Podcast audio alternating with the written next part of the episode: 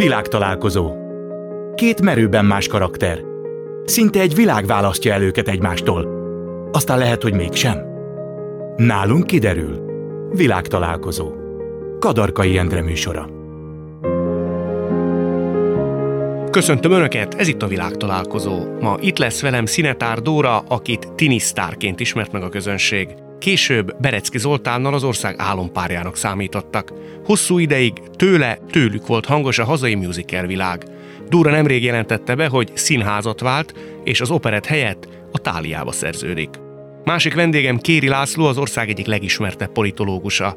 Ír, tanít, előad, értelmez. Legtöbben alig, hanem a heti hetesből ismerik.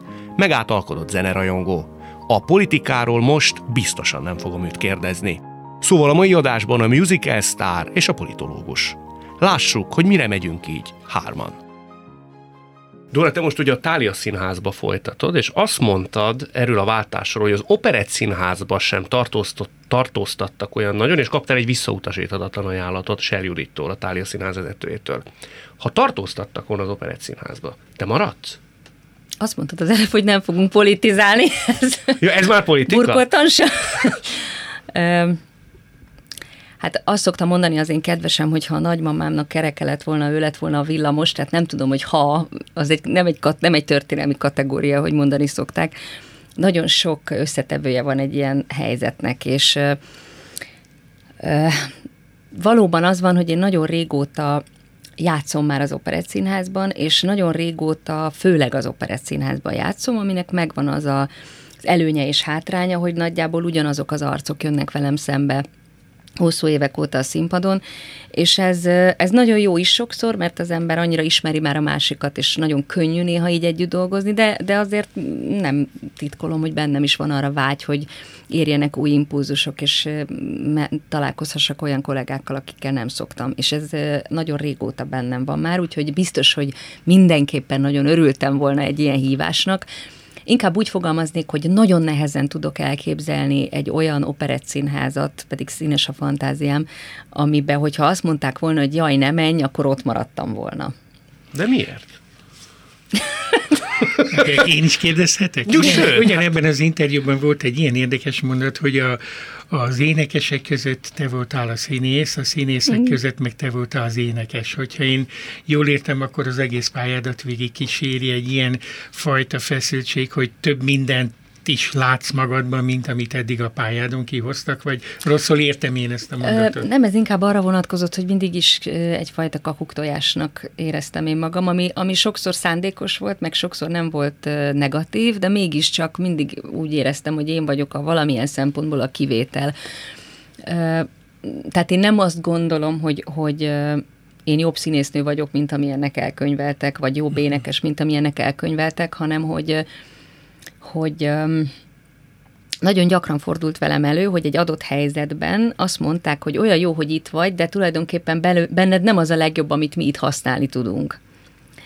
Vagy hogy mi, mi használjuk azt, amit belőled lehet, de igazából téged nem ezért kell szeretni. Szóval nem tudom, ez egy bonyolult dolog. Prózai színházban nőttem fel. Én úgy nőttem fel a színházban, hogy az édesanyámmal jártam ő ugye Nemzeti Színházban volt színésznő. És Hámor Ildikó. Igen. És én őt néztem estéről estére, illetve az édesapám rendezéseit, aki akkoriban szintén elég sok prózai darabot rendezett, amiket én nagyon szerettem. És nekem a színház az elsősorban mindig is a, a a szándékokról, a tartalomról, a mondani valóról szólt. Bántott is, vagy bánt is, hogy ilyen értelemben mondjuk az örkény, radnóti, katona féle világ, az soha nem akar téged ilyen értelemben használni? Tehát nagybetűs prózai, drámai színésznőként. Soha nem jutott eszembe, nekem sem, meg nekik se valószínűleg, hogy nekem ott keresni valóm lenne. De ha hívott volna mondjuk Zsótér, és azt mondja, hogy Arkadinát játszd el, akkor mentél volna? Persze, hát nyilván persze az ember megy, vagy mit tudom én, ez is attól függ, hova, mikor, miért, kivel, de hát ha nem mentem volna semmiképp sem azért, mert nem gondolom magam, vagy mondjam, mert, mert hogy az, azt gondolom, hogy én ennél jobb vagyok, tehát persze, van, van ebben a szakmában egy, egy ugyanolyan hierarchia, egy ki nem mondott, vagy néha kimondott hierarchia, amit szerintem mindannyian tudunk, és hogyha sokszor van is erről mindenféle véleményünk, hogy ez miért alakult ki, azért ezzel úgy tisztában van az ember. És Mármint a zenés műfajok kárára? Tehát a prózai színész az úgy gondolja, egy kicsit fölött áll a musical színészeknek, úgy érted? Sosem a színész gondolja úgy, hanem az úgynevezett színház csinálók. Én erről próbáltam beszélni, ebben a, volt egy ilyen magyar narancsos interjú, amit aztán sokan zokon vettek arról az oldalról is, amelyik oldalon egyébként én saját magamat gondolom, hogy ott gondolkodom amúgy a világról, nem a színészek, nem. A színész kollega, aki kiszokott menni a színpadra, és kellett már énekelni a hava hangja, ha nem, az végtelenül tiszteli a zenés színészeket. Én még sose találkoztam olyan prózai színésszel, aki lenézően beszélt volna a zenés kollégáról. Tehát nem a színészekről van itt szó soha rendezőkről, kritikusokról, az úgynevezett színház csinálókról. Én nagyon sokszor vágytam volna sokkal színesebb, sokkal érdekesebb karaktereket megformálni, mint amit az alkatom engedett. Mire gondoljunk például? Milyen szerepekre? De, mm, borzalmasan szerettem például, amikor a kódusoperát játszottuk, ez egy pozitív példa, mert egy nagyon elrajzolt ö, ö, furcsa figurát csinált belőlem a Béres Attila, aki az előadást rendezte. Nagyon nagyon szerettem, most tavaly még játszottuk az Ének az esőben, ahol ahol egy ilyen, hát erre mondják, hogy patkányírtó hangja van valakinek, ugye ennek az amerikai színésznőnek, akit én, én játszottam, tehát ez én magamról beszélek, és nagyon jó feladat volt, és nagyon szerettem. Tehát mindig nagyon jó volt minden, ami szélsőséges volt, és furcsa, és érdekes, mert azt jó játszani színpadon. Tehát te nem vagy az a típusú színész, aki ilyen értelemben lépéseket tesz? Tehát, hogy nem is nem, azt mondom, nem hogy... lehet lépéseket tenni. Tehát amikor én megláttam a, a próbatáblán annak idején, hogy ki van írva, hogy bemutatjuk a szépség és a szörnyeteget, és én leszek a szépség, én sírva fakadtam. És ezt nem tudom elmagyarázni egy csomó embernek, hogy ez miért van, de hát mit játszak el azon, hogy valaki szép? Tehát, hogy ezen is mit eljátszani. Az van, hogy nekem a jóisten adott egy bizonyos szabályos arcot, van egy ügyes fodrász, egy jó maszkmester, kapok egy szép ruhát, odaállok, azt akkor majd szép leszek. Vagy azt gondolják, hogy szép vagyok, na de mit csináljak ezen kívül még héttől tízig? Tulajdonképpen az elmúlt éveket, vagy évtizedet lehet úgy definiálni, hogy sokszor bizony ezt már úgy untad, egy hangúnak tartottad? Hát nagyon gyakran előfordult, igen, de ez mondom, ebben a műfajban ez normális, tehát hogy, hogy én értem, hogy ez miért történt, csak azért vágytam sokszor prózai feladatokra, és meg is találtak egyébként, tehát nem mondhatom azt, hogy sosem találtak meg, csak az arányok, ahogy az én édesapám mostanában gyakran szokta mondani, az arányok, azok, azok lehettek volna az én szívemnek kedvezőbbek, és azért örülök nagyon, és azért mondom, hogy nehéz lett volna marasztalni a zenés műfajban, mert a prózában sokkal könnyebben találhat az ember olyan előadásokat, ahol, ahol ö, érdekes, jópofa, furcsa, ilyen-olyan-olyan nőket kell játszani. Hát, ha most mandatáliába kiegyenlítődnek ezek az arányok. Laci, egy pékről azt úgy nagyjából egészében meg tudom állapítani, hogy mikor végzi jól a munkáját. Mikor jó? Egy politológus mikor jó? Hát ezen még se gondolkodtam. Lehet, hogy ilyen külső piac dönti el, hogy hányszor igénylik a véleményét, hogy mennyit írhat, mennyit szerepelhet. De ezt se gondolom, mert akiket én a politológiában a legtöbbre tartottam, és a legtöbbet tanultam tőlük, azok például igen írtóztak, és mint például Gombár Csaba, akit mindenféle szempontból évtizedeken keresztül a magyar politológiában egy ilyen meghatározó mérce embernek gondoltam, őt például alig lehetett rávenni ilyen nyilvános szereplésekre. Tehát... A te értékrendet szerint mi, a, mi az ismérve ennek? Hogy valaki jó vagy nem, a te szakmád? Hát a felkészültség és a minél több szempont átlátása, mérlegelése, összerakása. Szóval én nagyon nem szeretem azokat a kollégáimat, akik kiszolgálják a közízlést, és, és ennek az egy szempontú, igen-nem relációnak a híveiként ilyen mindent úgy tűnik nagyon könnyen meg tudnak magyarázni, mert hát a, a éppenséggel a politikai életben meg hallatlan összetett jelenségek vannak, és ezt a legtöbbször nagyon nehéz elmondani, főleg médiában. Írni már könnyebb, szóval én is írni jobban szerettem mindig, és minél hosszabban írni. És jobban is tudsz írni, mint beszélni? Hát, ezt nem tudom. Az az igazság, hogy én tíz évet tanítottam egyetemen nagyon jó kollégákkal, és elég jól megtanultam fölépíteni a mondani valómat, és engem nagyon hamar kikapott a média magának, és azt mondták rólam vissza, hogy azt szeretik, hogy el tudom úgy mondani, hogy megérti a hentes is, meg a virágból teladója is, és ezt az ember magáról sokszor hallja, és sokszor visszahívják, akkor előbb-utóbb elhisz, elhiszi, bár azért bennem mindig ott van a két hogy azért ez nem biztos, hogy így van. mert így van, így van. Ezt de, én megerősíthetem. Igen? igen, én minden választásnál azért szeretlek téged hallgatni, mert amikor te úgy elmagyarázod, hogy éppen mi történik, akkor mindig kicsit úgy megnyugszom, hogy tulajdonképpen lehet ezeket a dolgokat kívülről nézni, és valahogy annyira megnyugtató, amikor már nem a része vagyok valaminek, hanem úgy rálátok, csak magamtól nem látok rá. Jé. Hát nem tudom, szóval biztos, hogy van az embernek egy elég hosszú idő keresztül fölépült rutinja. Később igyekeztem az, hogy ritkítani a szerepléseket, hogy inkább kevesebbet, de arra jobban rákészülni, mert igen, ott azt hiszem azokban az években az volt a helyzet, hogy túl sokat szerepeltem. És Ez nem is vitt jó irányba? Tehát elviheti nem. az embert egyfajta ilyen felszínesebb irányba is? E, meg, hogyha túl sokat szerepelsz, akkor kénytelen vagy egy idő után ugyanazt mondani, mint amit előtte egy héttel, három nappal mondtál, voltál, és az téged is untat belül, meg, meg ott van benned, hogy úristen, ha valaki látja, aki már látta három napja, akkor az már azt mondja, hogy miért mindig ezt az idiótát kell hívni, miért állandóan ezt kell hallanom. Tehát van bennem ilyen, meg hát azért az akkori kollégái mirítsége, tehát hogyha bemegy a munkahelyedre, és örülünk, hogy itt is látunk, nem csak a tévében, ezt azért tudomásul kell venni. De az például téged úgy stimulált, hogy a szakma ilyen értelemben egy kiemelt személyként tekint rád? Hát nem gondolom, hogy a szakmak, akik a szakmának a nevében szeretnek nyilatkozni, azok azt hiszem engem soha nem szerettek. Miért? Hát sok oka van ennek. Szóval egyrészt a, nekem valahogy minden olyan könnyen jött, ami másoknak olyan erőfeszítés, ami miatt nekem is illet volna színlelni. Azt mondok két példát, és akkor mondjátok, soha nem kellett mennem kiadóhoz kézirattal. Mert hogy téged kerestek. Hanem mindig kiadók kerestek meg, mm. és egyetlen egyszer az a tizenvalány könyv, amit írtam, soha nem úgy volt, hogy én mentem, hogy itt van egy kézirat. Most gondolod egy csomó kollégámat, aki 8-10 évig dolgozik egy, egy kéziraton, semmivel nem rosszabb, mint amit én írtam, de nem ismerik eléggé ahhoz, hogy ő neki kell menni. Egyszer össze beszámolt, amikor nyugdíjban mentem, hogy 21 országban összesen kb. 100 konferencián tartottam előadást, Lettországtól Kanadáig.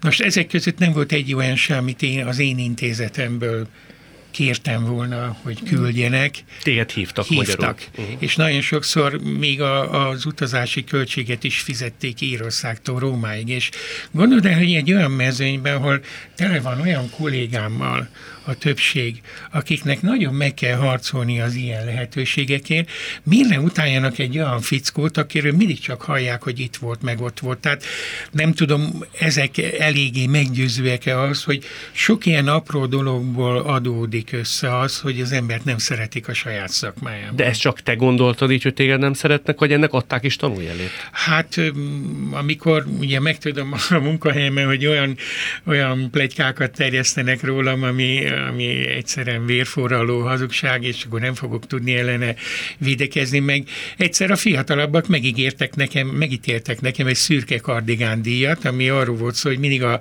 az évben a legnagyobb hülyeséget állító fogja kapni.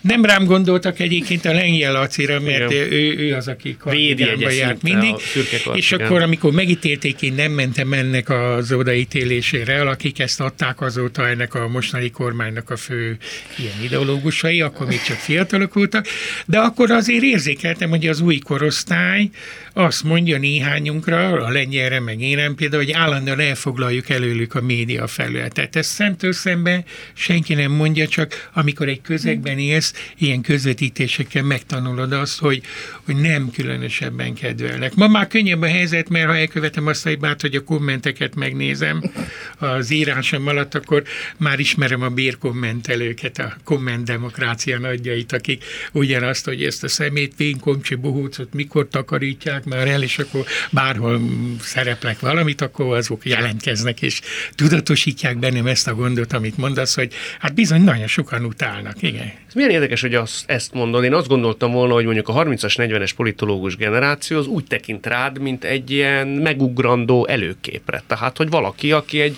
minta. Nem számunkra. tudom, ez, ebben a fiatalabb, nálam negyedszázad a fiatalabb korosztályban van négy-öt olyan, akinek nagyon nagyra becsülöm a munkáit, El is mondod, elolvasok, és nagyon sokszor az utóbbi tíz évben már kerestek, mondtam, hogy inkább hívják Rekó Pétert, Filipov Gábort, Lakner Zoltánt, László Robertet, Gyulai Attilát, hogy van ez a négy-öt negyedszázaddal, vagy még inkább fiatalabb nálam. Azt gondolom, hogy ők minimum ugyanúgy el tudják mondani, mint én, de jobb, ha már ő mondja. Én már sokat mondtam.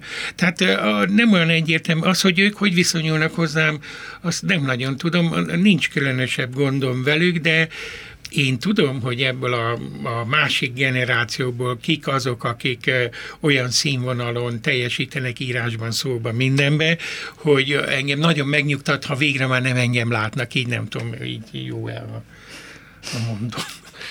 A bérkommentelők, ugye ma, ma így hívjuk őket, azok tulajdonképpen mindig is léteztek, csak mindig valami más formában. Én azt gondolom, hogy nagyon sok olyan ember van, akinek a saját problémáit, aki a saját problémáit nem tudja milyen, milyen fórumon megbeszélni, kibeszélni magából, a benne levő feszültséget valahogy kiadni magából, és akkor az egy, az egy nagyon jó lehetőség, hogy kössünk bele valakibe, akihez igazából nincs közünk. De most ezt olyan sztoikusan mondott, szerintem azért fiatal emberként, fiatal lányként azért ez bántja az embert, nem? Ez most is bánt, de hát most már kénytelen vagyok megérteni. Azért mondtam még az adás előtt, hogy vannak emberek, akikkel kapcsolatban már nem akarok mindent megérteni, mert amikor megértem, akkor igen, olyan, olyan bele, bele tudok törődni ezekbe a dolgokba, tehát hogy most mit csináljak.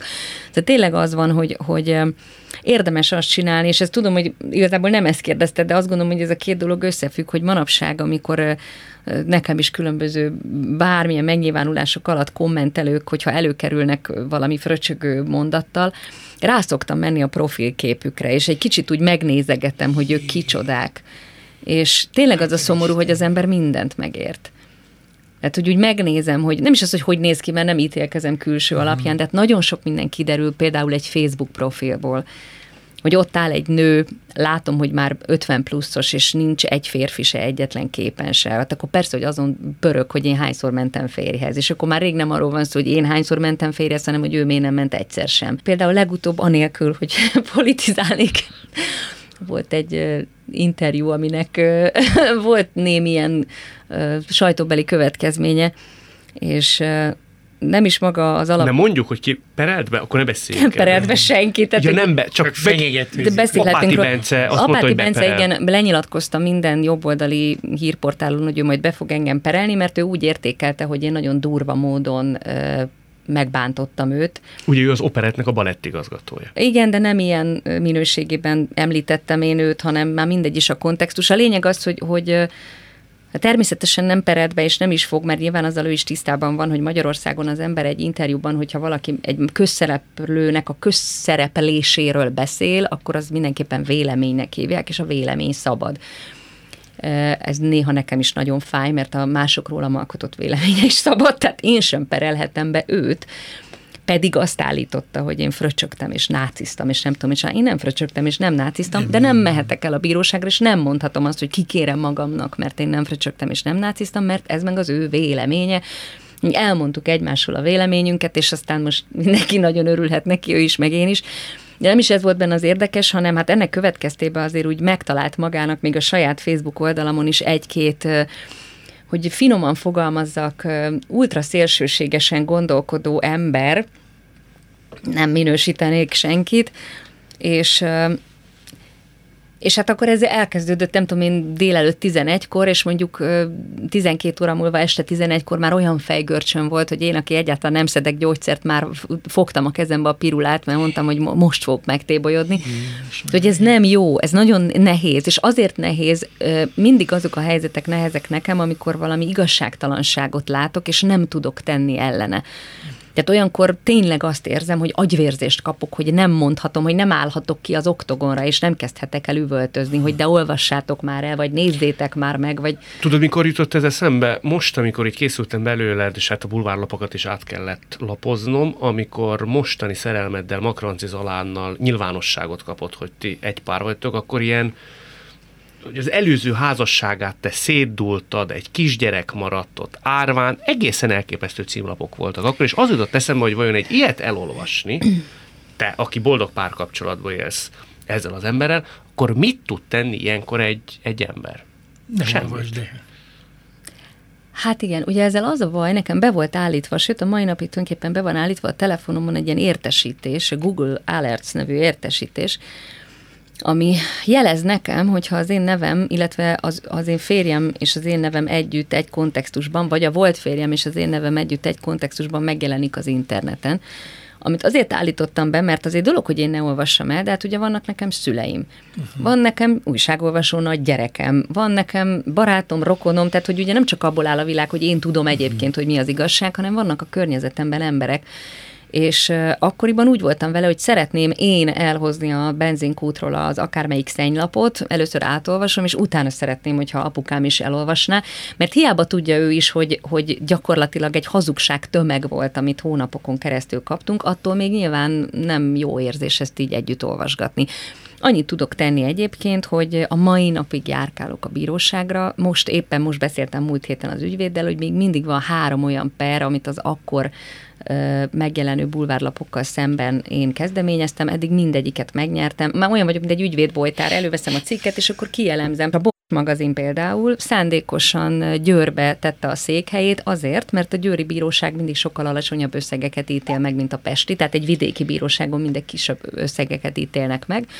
És újságíróktól tudom, hogy ezeknek a bulvárlapoknak van egy úgynevezett perkerete, ez egy létező dolog. A perkeret az azt jelenti, hogy amikor olyan cikket fognak megjelentetni, amiről tudják, hogy be lesznek perelve, és tudják, hogy el fogják veszíteni a pert, mert tudják, hogy hazudnak, ha az eladandó lapszám ö, olyan nagynak ígérkezik, hogy nekik anyagilag megéri, akkor a perkeretből, perkeretből állják ezeknek a ö, bírósági hmm. ítéleteknek a büntetését, és cserébe viszont ugye az eladási példányszámukkal jól jönnek ki.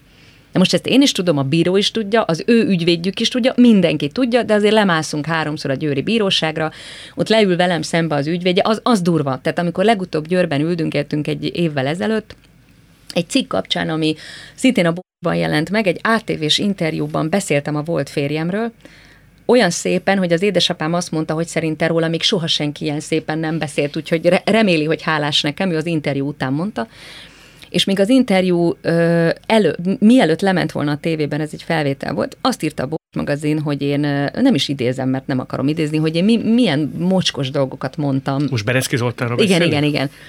Az Oliról, amiből egy megveszekedett szó nem volt igaz, kiforgatták a szavaimat, összeraktak olyan szavakat mondatokból, hogy a szavak elhangzottak, de nem abban a kontextusban, és tök mást jelentett.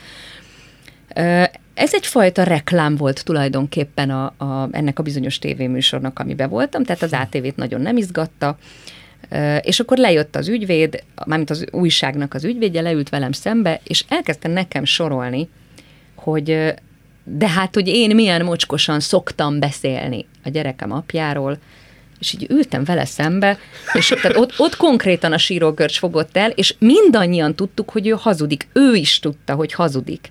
És utána kimentünk a folyósóra, rám nézett, és el akart köszönni, miután, miután a bíró kimondta, hogy, az, hogy nekem megítéli a kártérítést, hogy az újság szégyelje magát, szedje le az online felületéről a cikket, írjanak nekem bocsánatkérő levelet, Kimentünk ezzel az ügyvéddel a folyosóra, rám nézett, és mondta, hogy na hát ne haragudjon, azért örülök, hogy találkoztunk.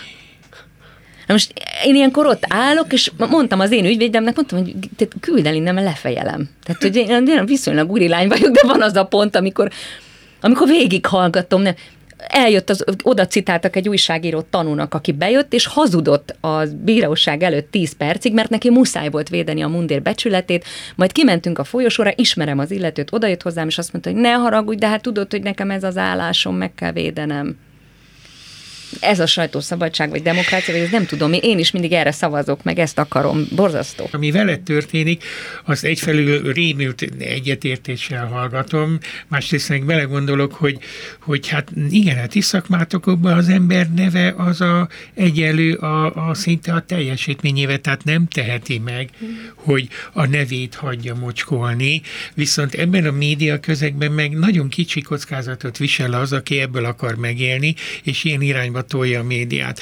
Hogy ez onnan jutott eszembe, hogy még mindig az előző kérdésednél járok, hogy én például soha egyetlen kritikára nem válaszoltam, támadásra sem. 35 éves soha semmilyen félreértésre, igaztalan kritikára, igaz kritikára sem nem, nem reagáltam. Úgy voltam vele mindig, hogy ez a másik problémája. Joga van félreérteni engem, sőt, még lejáratni is joga van, de az én problémám nem ugyanaz, mert neked a neved egyelő a hírneved a tevékenységed, de nekem meg nem, mert amit én beszélek, az százból kilencven ember úgyis a, nem érdekli, hogy hogy hívnak engem, aki szerepel, valami. tehát nincs tétje én nekem, de neked viszont megértem, hogy pokollá lehet tenni az életedet, mert a munkádat is. Meg azért van Igen. még valami, hogy ugye a te esetedben a kritika az természetesen a munkádra vonatkozik, tehát rólad egy kritikus maximum azt írja, hogy te a munkádat nem jól végzed, elfogult vagy, vagy mondjuk tehetségtelen, vagy ugye ilyen dolgokkal uh-huh. lehet bántani egy embert a szakmájában.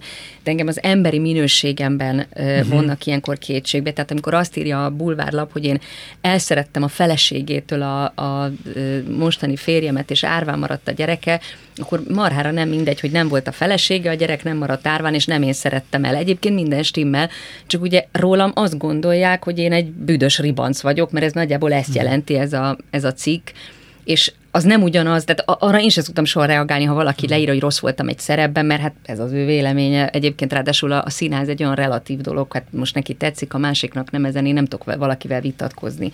De amikor tényleg valaki azt mondja, tehát most legutóbb például, hogy én nácizok, vagy hogy én fröcsögök, tehát hogy ez nem igaz. És ez nem az én művészi teljesítményem, mert annak el semmi köze nincsen, hanem ez az én emberi minőségem, ami nekem sokkal fontosabb, mint az, hogy művészként valaki hogy ítél meg. Neked nagyon nagy az igazságérzeted, ugye? Nekem betegesen nagy. Beteg Betegesen? Igen. Az ha mit van jelent? Ilyen.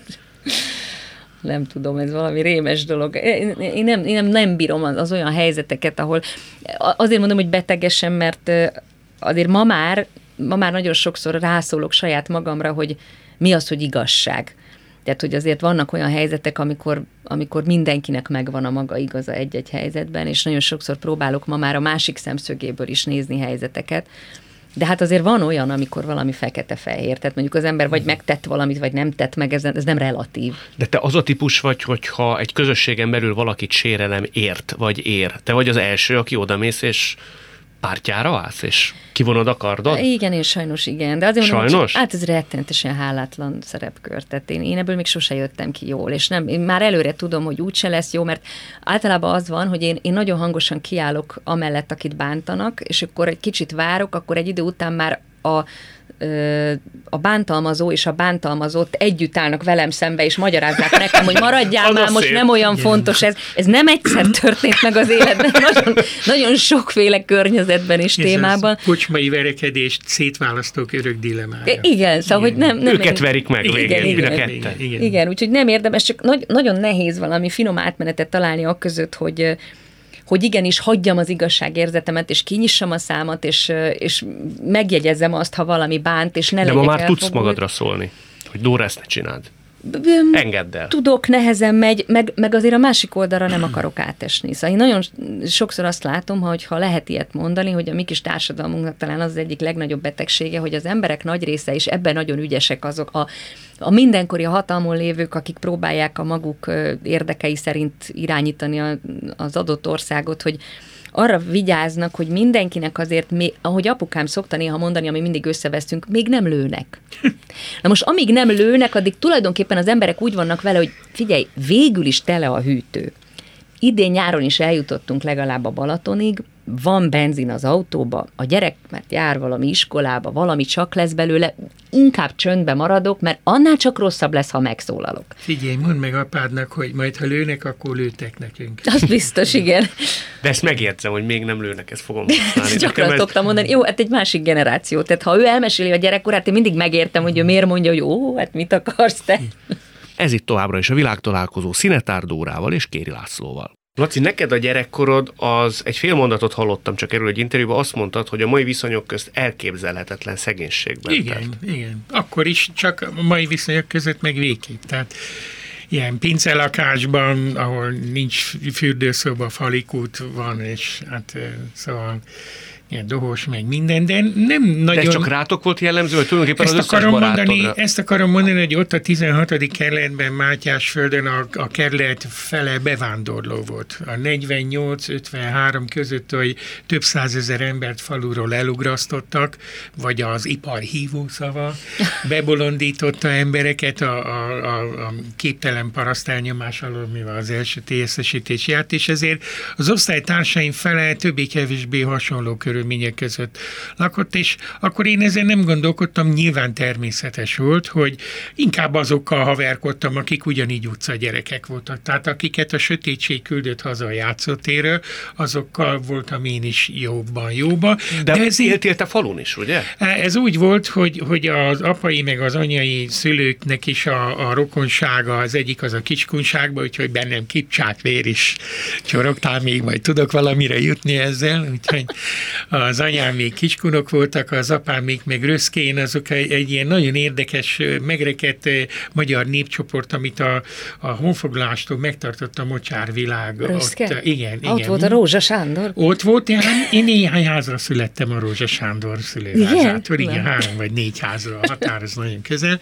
Nyaranta ki voltam csapva a rokonokhoz. Én emlékszem Kömpecen, amikor bevezették 61-be a villanyt, és a, először csak az utcán égtek a villanyok, meg a tanácsházán, meg a kocsmában, és akkor a, bevitték az első tévékészüléket a, a kultúrházba, lerakták, de nem volt műsor, csak zizegett, és rengeteg ember nézte, és sírtak az örömtől az emberek, hogy villany van. Tehát hallottak róla addig is, hogy van ilyen, de ezt látni. Szóval csak azt akarom mondani, hogy az én gyerekkoromban olyan élmény készletek voltak, ez az 50-es évek második fele, a 60-es évek első fele, amik egy, egy alapjában nagyon szegény Magyarország volt. Ha onnantól azt mondja nekem valaki, hogy ilyen majdnem 70 éves koromra mind az öt kontinensen jártam. Szóval mind az öt földrészen, Új-Zéland, Ausztráliától, Kanadáig, Dél-Afrikától, Izlandig, hogy egyszer nem olyan rég az unokám kedvé összeszámoltam, hogy 57 országba jártam, akkor ennek az églágon semmi esélye nem volt a gyerekkoromban, akár csak álmodozni sem erről. Akkor mi múlott szerinted? A szerencsém. Ez szerencse? Hát igen, rengeteg szerencsén, hogy na, mert elváltak a szüleim, anyám az látta, hogy ebből már nem lesz karrierje ott, hanem 10-11 éves voltam, ott lelépett, nem is nagyon láttam egy évtizedig. Egy évtizedig akkor, nem találkoztak? Igen, nem. Amikor már ilyen egyetemista lettem, akkor úgy érezte, hogy érdemes találkozni. De hogy, hol volt ő addig? Hát elment egyébként egy kerülettel odébb lakott, de nem erőltette ezt a kapcsolatot. De várjál, de azért akkor egy tíz éves fiatalembernek, vagy egy fiúcskának azért az rettenetes Hát figyelj, az én korosztályomnak már gyerekkorában is meg kellett tanulni, tehát már első, másodikban is kirakták hétfőn reggel azt a 10 forint 20 fillért, ami a heti reggelit, hogy három deci tej, két kifli, az 90 fillér plusz 81, 70, az 6 napra, mert akkor szombaton is volt még iskola, és akkor te tudtad, hogy a 10 forint 20 fillérrel fogsz gazdálkodni. Ez nem én egyedül lesz, ez, ez szerintem még osztálytársaim közül sokan. Tehát én másra a... gondolok, én arra gondolok, hogy a, a pajtásod, az mondjuk adott esetben egy uzsonnát evett, amit az anyukánya kenn neki reggel. Igen. Neked nem volt anyukád, aki nem, azt kenj? Nem, nem, nem volt, de engem ezt, ezt is úgy tudomásul vettem nagyon hamar, hogy nagyon sokféle a világ. Igen, volt néhány osztálytársam, amelyik nagyon jó körülmények között élt fő. Volt egy olyan, aki gépkocsival is rendelkező család volt, hát az 58-ban fantasztikus dolog, de érdekes, hogy ezek a jobb módú családok is tűrték, hogyha én ott lábatlankodtam náluk, meg vittek magukkal. Na ez a szerencse, hogy például a magyar tanárnőm, akinek osztálytársam volt a fia, az nem lehetett rávenni semmilyen olvasásra, állatorvos lett később, de az anyja nagyon szerette, hogy engem igen, anyja nagyon szerette, hogy engem ötödikbe, hatodikba rá lehetett venni arra, hogy náluk megvolt a régi nyugat kezdettől, hogy akkor velem olvastassa el a Verlenre a, a, a kiírt pályázatban, a nyugatra, a Kosztolányi, meg Tótárpád, meg Móric, meg mások adtak be pályamunkákat az őszi sanszonra, és akkor ő képes volt velem órákig ilyesmiről beszélgetni, hogy mit gondolok, melyik volt a legjobb. De ez nem tulajdonképpen a családi élet helyett volt? De, az, de az én nagy szerencsém, hogy hamar elváltak a szülők, és nagyon hamar kénytelen lettem ilyen felnőtt mérlegelővé válni. Amikor valaki egy ilyen, mert mondjuk meg őszintén szerintem ez valamilyen szinten trauma, hogy az édesanyja tíz évre eltűnik és nem kíváncsi rá, hogy az ember utólag azt a hiányérzetet, ami akkor fölhalmozódott benne, ma már ilyen fejjel megpróbálja úgy értelmezni, hogy végül is ez nem is volt akkora baj, lévén, hogy ezért tudtam annyit olvasni. Ha nem olvastam volna ennyit, nem jutottam volna oda, ahol vagyok. Nem utólagos, jóindulatú átértelmezéssel. Ezen én is gondolkodtam, de én azért elég jól emlékszem, hogy engem leginkább az idegesített engem 10-12 éves koromban, hogy sajnálnak. Mm-hmm. Tehát ha az, a gyerekek? Hogy nem, a, a, a felnőttek, és főleg a jobb érzésű felnőtt nők, és azokat szeretem, akik ezt ilyen tapintattal nem adták tudtomra, hanem úgy segítettek, mint hogy ez egy ilyen mindennapos véletlen lenni. Te vállaltad később a konfliktust édesanyáddal a tekintetben, hogy hova tűnt tíz évre? Nem, nem, nagyon később jelentkezni akart, egy ilyen furcsának a, így alakult ez, mert az ő gyereke a második házasságból az valamivel később született, mint az én gyerekem. Képzeld el ezt a helyzetet helyzetet, amikor az én fiam nagy, nagy nénye, az fiatalabb nála, úgyhogy hát azért ez elég érdekes. De nem, egyáltalán nagyon törtem a fejem ezen, mert mindig annyi más egyéb megoldandó aktuális feladat volt, ami ezeket a, a ilyen nem voltam ilyen különösebben lelkéző fajta. Egy dologra Harag jó volt. volt benned? Nem. Az ilyen körülményeket, hogyha ilyen jegyzőkönyvben olvasod, mm. akkor az leginkább ilyen fiatal korú bűnözőknek a mentségére, hogy hogy nőtt föl, nem? De én meg azt tudom mondani, hogy olyan szerencsével kerültem ki minden olyan helyzetből, ami másnak tragikus szokott lenni, hogy hát ennek köszönhetően mindig évekkel előbb jártam az olvasásban. Tehát... Ez alkati kérdés is szerintem. Nem tudom, ki mondta, hogy a mázadi csak esély. Uh-huh. Tehát ez nem csak úgy van, hogy az ölünkbe pottyan. Tehát azzal élni kell, nem? Hát lehet. Olyan szempontból ez igaz, hogy én mindig máshogy jártam az olvasáson, mint a többiek. Felső tagozaton én már azért az európai klasszikát Raymontól Dostoyevskyig tudom, hogy el voltak képedve néha tanárok, hogy látták a kezembe. Az első gimnáziumban én már Dürematnál jártam, meg Max Frischnél, meg a Gruppe 47-nél. Nem voltál egy kicsit tolom... koravén? De, de, de, de, de.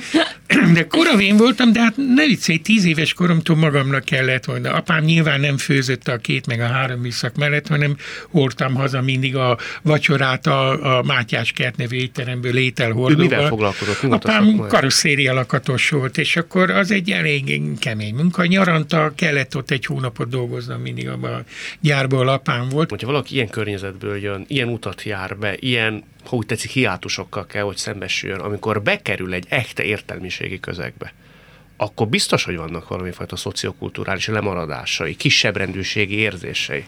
Hát egy területen volt, hogy az egyetemen a nagyon jó képességű évfolyam társaim, a, a, például az, a legjobb barátom, aki volt katonaságnál is egymás mellett aludtunk, a Bárt Karcsi, az, az egy olyan több generációs jogász családban nőtt föl, hogy ott ő már, emlékszem, Hans Magnus Enzensberget németül olvasta. Na jó, hát azért az meg, meg, hogyha ehhez mérem, akkor persze nyilvánvaló volt, hogy óriási születés vagy szociokulturális hátrányaim vannak, de ezen meg nem volt érdemes nekem gondolkodni, meg dühöngeni, mert most miért haragudjak arra, aki sokkal jobb körülmények között nőtt föl, mint én? Attól nekem nem lesz jobb, hogyha én az ő szerencséjét irigylem. Tehát nem, nem, nem mondhatnám, hogy volt bennem ilyen. Pont azon gondolkoztam, amíg a Laci mesélt a gyerekkorát, hogy ugye mivel én egy egészen, hát én a ló másik felébe jöttem valóban. Nálunk pont az volt a feladat, amin az én szüleim nagyon sokat dolgoztak, hogy én legyek azzal tisztában, hogy egyébként meg mi az, ami az embernek jár, és mi az, aminek meg örülni kell. Van egy ilyen történetem, amit mindig el szoktam mesélni, az élek nem felejtem el. Az édesapám rendezte a Liszt Ferencről szóló filmsorozatot. Tulajdonképpen ő a gázsiát úgy kapta meg, hogy elhívták őt és az ő családját egy északi hajóútra azt mondta, hogy ez neki tökéletes honorárium, mert hogy neki, ő is állandóan imádott utazni, és neki is az egész élete erről szólt a mai napig, nem bír a fenekén maradni, ha van valami lehetősége, akkor biztos, hogy el akar menni valahova. És, és akkor így történt az, hogy én voltam 8 éves, talán 7-6, nem tudom, de valahogy ilyen megkörül volt, amikor is mi felkerekedtünk, mert hogy hivatalosak voltunk egy MS Astoria nevű csodálatos ilyen tengerjáró hajóra, hát ember még ebből az országból nem volt akkor ilyen, nem, vagy legalábbis csak nagyon kevesen, úgy mentünk el, hogy beültünk a, az autóba, és elmentünk vele először Münchenbe, ahol voltak rokonaink, aztán onnan föl Hamburgba, és Hamburgból indult a hajó, fölment egészen az északi sarkra, visszajött Hamburgba, és onnan jöttünk vissza. És, hogy fölcsillant a szemed? Hát azért... Ugye? Ugye Norvégián, tulajdonképpen Norvégiában ment a fjordokon keresztül.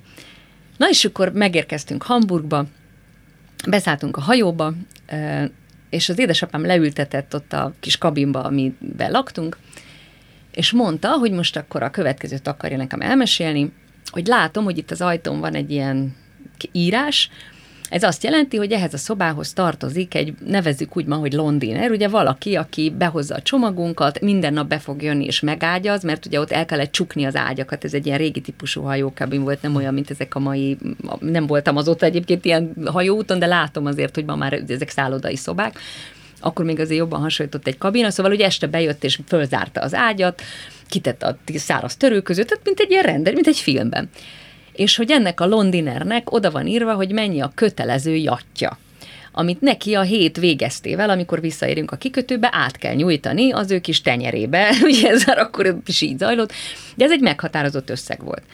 És nem emlékszem pontosan az összegre, de mondta az én édesapám, hogy ez az az összeg, amiből mi egyébként, hogyha nyár van, akkor ebből az összegből szoktunk elmenni nyaralni. De ugye minket a hajóra hívtak meg, ezt az összeget természetesen nem adták az ő kezébe egy borítékba, tehát, hogy mi ezen a nyáron itt nyaralunk, ez a hét a nyaralás, és nem megyünk a Balatonra, és nem megyünk a nem tudom hova, mert azt az összeget, amit egyébként nyaralásra szoktunk szállni, most oda fogjuk adni ennek a londinernek azért, hogy egy héten keresztül minden nap bejön kétszer, és így csinál az ágyal, meg így csinál az ágyal, meg jó napot kíván. Nagyon, nagyon furcsa volt ezt így a fejembe helyre rakni de arra borzalmasan jó tanulság volt. Mondta, hogy nekünk ez a pénzünk. Tehát ez a családnak a nyaralásra szánt pénze, ami ennek a borra valója ennek az embernek. Nem a bére, a borra valója. És, és akkor ez úgy nagyon megmaradt bennem, és ott is, meg mindig, amikor csodálatos helyeken jártunk a világba, mindig azért, mert hogy őt is mindig elhívták, ugye egy nagyon jó nevű rendező volt, és hívták mindenféle fesztiválokra zsűritagnak, a Monte Carlo filmfesztiválon éveken keresztül volt ő a külföldi zsűriben például tag, és olyankor mindig ugye fizették őt és a családjának az utazását, illetve a, a szállását, akárhova mentünk, minden alkalommal ez volt a búcsú szöveg, hogy nézzetek jól körül, egyszer volt Budán kutyavásár. Tehát, hogy ezt, ezt ő mindig elmondta, és, és borzalmasan fontosnak tartotta azt tudatosítani bennem, hogy ez nem, hogy nem jár, hanem marhára becsüljem meg magam, jól nézzek körül, és legyek azzal tisztában, hogy ez valami isteni véletlen és szerencse, hogy mi itt vagyunk, ezt nagyon meg kell becsülni. Arról nem beszélve, hogy ez mindig szoktak rögni, de szerintem ezzel a legtöbben így vagyunk, hogy akit megismernek, nem tudom, hogy téged, ha megismernek az utcán, hívtak-e már, nem tudom én, Váncsának, vagy, vagy Havas Henriknek. Kértek úgy tőlem, hogy Gálvölgyi úr adjon Gálvölgyi úr. Hát én, én már minden a, voltam. A, tehát, heti hetes arany. Azért, igen. És aláírtad Gálvölgyiként? Hát mondom, hogy ilyen, ilyen, akkor igen. Oda hát én, én ezen az alapon... hogy hívják Ottónak, szeretettel, Gál, vagy Hát én, én ezen az alapon voltam minden az évek alatt. Tehát voltam Ábel Anita, Ulman Mónika, nem, tehát, hogy mindenki, akivel össze lehetett keverni, azzal összekevertek, de hát ezen az ember nem bántódik, meg csak mindig jót mosolygok magamba. Valahonnan ismer, azt összerakta, hogy a tévéből, akkor énekeltem, akkor én vagyok az Ulman Mónika. Tehát, hogy ez így de hogy az ember azért ennek az értékét elkezdi érezni, és egy másodpercig nem gondoltam azt 14 évesen, hogy most akkor, na most aztán az enyém a világ, mert engem összekevernek valakivel. Szóval, hogy nem, nem, nem gondoltam a szerencsére, de megmondom, főleg köszönet érte a, a szüleimnek, akik sose engedtek el szállni ilyen szempontból. Akkor... Mesélhetek valamit Sőt. erre, megismerik, nem, meg nem ismerik, Sőt. hogy 90-es évek elején tényleg nagyon sokszor voltam médiában, mindig szakérteni, okoskodni, megmagyarázni, mi történik, és 94-es választás után még létezett a régi lehelpiac, nem ez a mostani nagyszerű, hanem még ez a bódés földszintes, és ennek a Váci felüli oldalán hát ilyen elég egyszerű kocsmapultok voltak, ahol reggel a, a szállító munkások kipihenték a fáradalmaikat a pálinka mellett, és valami korán kellett piacra mennem, és három ember támasztja a pultot, és megszólal az egyik ilyen öblös hang, te, te, te vagy az a politikológus, az az Ágtihamér, ugye? és Ága Tilla volt még, aki akkoriban sok. Na, azt üzenjük a Gyulának, mondd meg neki, ha látod a parlamentnek, hogy ilyen ő meg a GDP-ből. Ja, Istenem. Gyönyörű, gyönyörű. Nekem a legszebb ilyenem az volt, amikor a drága jó Kulka Janival mentünk Zalaegerszegre Májferlédit játszani, és mindig egy autóval mentünk, megálltunk egy ilyen útszéli valamibe kávézni, bementünk, és egy hasonló kvalitású úr ránk nézett, és ugye ő akkoriban a Szomszédok című sorozatban játszotta a Magenheim professzort, amiben ott neki az Ábel Anita volt a lánya. Igen. Most ránk nézett ez a jó ember, ő sem volt már szomjas, és azt mondta, hogy ó, Hát a Guggenheim professzor, meg az Ábel Anita.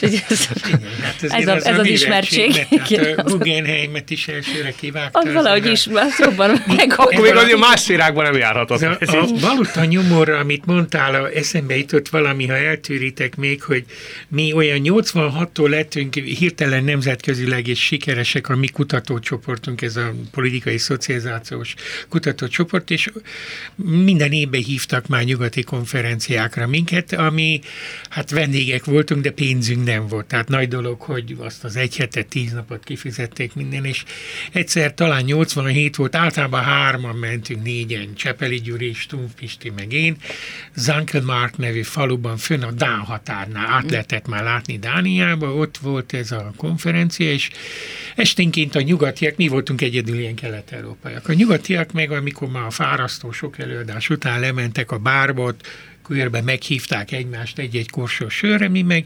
fölmentünk a szobába ultizni.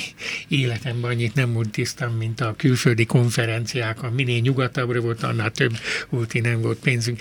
És erre ráuntak két nap után a nyugati pártait, a társaink, és följött ez a holland gyerek, aki egyébként is ott szeretett főnök lenni, benyitott, és látja, hogy kártyázunk, és jöttem kifakadt, hogy mit játszátok ti itt az eszeteket, nem vagyunk mi lektek ott lent elég jó társaság, és akkor jó letolt minket, és a Stumpistinek meg eldurant az agya, és azt mondta, hogy ide figyelj, ha mi ott lent vagyunk veletek, tizeneten, ha visszahívnánk az, e, a, azt a korsó sörkört, amire ti elsőre meghívtatok minket, az a család éves valuta kerete lenne. és így a holland gyerek, Hendeker, úgy hívták, most eszembe jutott, hogy megdöbbent, és mi az az éves valuta keret. És el kellett neki magyarázni, hogy az nem úgy van, hogy az embernek annyi pénze van, amennyi pénze van, hanem amit az állam megmond neki, és attól kezdve ez a srác a következő tíz évben olyan szerény tisztelettel beszélt velünk, de hogy annyira előttem van, hogy a Pisti kifakott, hogy az a kör az a család éves valuta keret, meg körülbelül tényleg. Ha már a kiszolgáltatottságot említed, az nagyon szíven ütött, amikor 2010-ben tulajdonképpen annak a szakkollégiumnak, aminek a létrehozásában, nem hogy oroszlán részt vállaltál, azt te hoztad létre. Hát az tudok. eredetiét igen, amiből a Bibó lett az első, igen, ami az első nemzedék a kövérékig bezárólag, igen. Hogy 27 év után azt mondták, hogy köszönjük, tehát hogy elbocsátottak. A, az, az intézetemből. A, hát nagyon hamar, három-négy nappal a választás után. Föl voltam én erre készülve, mert láttam én, hogy ez a 2010-es fordulat mélyebb, keményebb, kegyetlenebb lesz, de úgy gondoltam, hogy először jönnek a politikusok, aztán a gazdasági vezetők, a média. Én úgy számoltam, hogy a január-február körül kerülhet rám sor, tehát meglepett ez a sürgőség, hogy ilyen hamar volt a módban, és... Nem ijedtél meg, hogy mi lesz veled? Uh, Érdekes, hogy nem, és a, amikor az igazgató azt mondta, hogy kaptam egy hónapot arra, hogy keressek magamnak más munkahelyet, akkor mondtam, hogy ez egy új igazgató volt, nem rég jött oda, hogy két-három hónapja, hogy hát mondtam, hogy miért? Azt mondja, mert ő nem tud velem együtt dolgozni. Hát mondom, én itt vagyok 27 éve, te itt vagy három hónapja, akkor menjél el? És akkor mondta, hogy hát ez nem olyan vicc, ez komoly.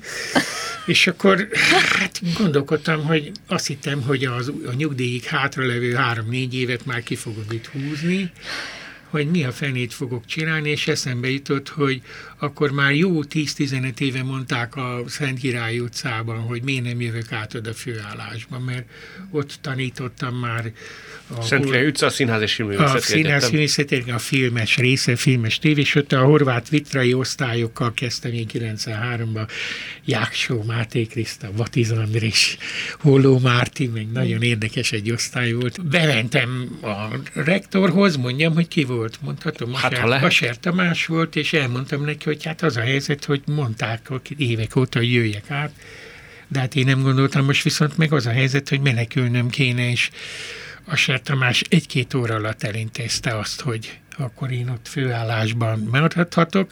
Szerencsémre Rajnerem János épp akkor hagyta ott az egyetemet, és gazdátlanul maradt a 20. századi társadalmi és politika történet, és kérdezte, hogy ezt is hajlandó vagyok, hogy egész életemben erre vágytam, hogy azt taníthassak, tehát megint a szerencse.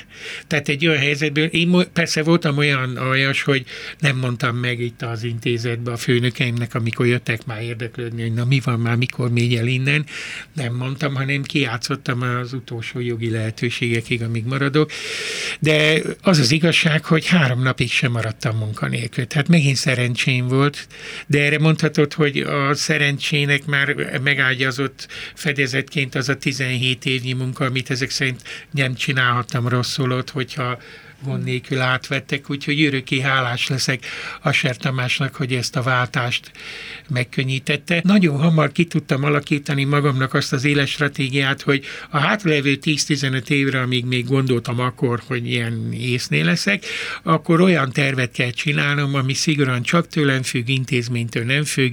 És Magam, csináltál is? Persze, meg is csináltam, igen. Lehet igen. tudni, hogy miről szól, milyen lebontásra, hát, és milyen... Itt ebben a ládióban már ebből a munkaterből kétszer is egy órát elmeséltem, akkor azt találtam ki, hogy a, a, az unokáim elkezdtek közeledni az iskola érettséghez, sőt a fiú már járt iskolába, és láttam, a, hogy miket tanulnak, és mondom, hogy 40 évig tanítottam egyetemeken, öt egyetemen is Budapesten. Hát az kizár dolog, hogy az én unokáimat majd ez a rendszer fogja történelemre tanítani. Én írok nekik egy történelem könyvet, most 7-8 évesek, mire 14-15 évesek lesznek, addigra végig veszem a nagy civilizációk történetét, és, és írok nekik egy-egy fejezetet. Ezt nem de, ezt nem, de ezt nem fejből, hát gondolom ehhez azért nem, nagyon sokat kell Nem, olvasni. nem, rengeteget, de én ezt a feladatot tudtam már egyetemista koromban magamnak, és szisztematikusan 30 éve gyűjtöttem a könyveket, úgyhogy meg is volt egy 400 könyvehez. Mezopotámiától az ókori kínai civilizáció. Ilyenkor újraolvasod? Ezt akarom mondani, hogy megcsináltam a munkatervet, hogy akkor 14-ben abba hagyom az oktatást ezzel az angol nyelvi osztályjal, a doknomáccal, 20 országból jöttek, és semmilyen más munkát nem vállalok. A csillagoséget is ígérhetik. Beosztottam negyed évekre egy-egy civilizációt, hogy negyed év alatt tudok elolvasni 20 könyvet, és megírni egy ilyen összegzőt és megcsináltam ezt a munkatervet 7 évre. Most járok a 18. fejezetnél, eredetileg 25 fejezetre osztottam Mezopotámiától a 20. századig a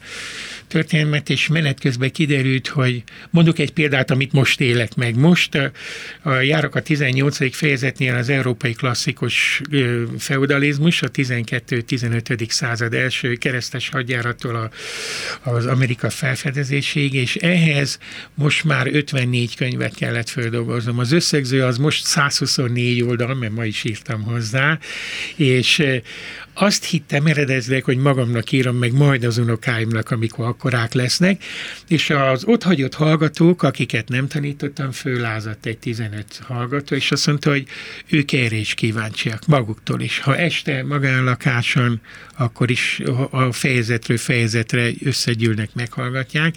Felolvasod Úgy, ilyenkor? Nem, hát 120 oldalt, hogy olvasom. Elküldöd és megbeszéled. Előtte egy héttel megkapják, vagy két héttel, és akkor elolvassák, és akkor nagyon sok kérdése jönnek. És közben megtudták ezt a baráti körömben, és lett egy ilyen 60 pluszos társaság is. Nem mondom, mert elég ismertek vannak közöttük, de mit Vicsek Feri például uh-huh. dolgozott. Itt van egy 15-20 ember, akik összejárnak, és ugyanígy elkészülnek egy fejezettel, megkapják előre, és azt a, a, a házigazda, a Bőte Jóska azt videóra is veszi. Tehát ott is már 18 ilyen alkalmon túl vagyunk. Tehát kicsit túlnőtt ezen a feladaton, van két ilyen kör, aki ezeket várja, olvassa, és hát én nem tudom elmondani, ez nekem egy újjászületés. Úgy is jelentkeznek nálad a kiadók, ezzel kezdtük, szerintem sokan fognak. Szinetár Dóra és Kéri László, örülök, hogy láttunk, hallottunk titeket. Világtalálkozónkat nem csak hallgathatják, de végig is nézhetik. Iménti beszélgetésünk hamarosan már látható lesz YouTube csatornámon is. A mai adás létrejöttében köszönöm Varholik Zoltán és Egyi Gábor segítségét. Találkozunk jövő szombaton itt, a Klubrádióban. Viszont hallásra!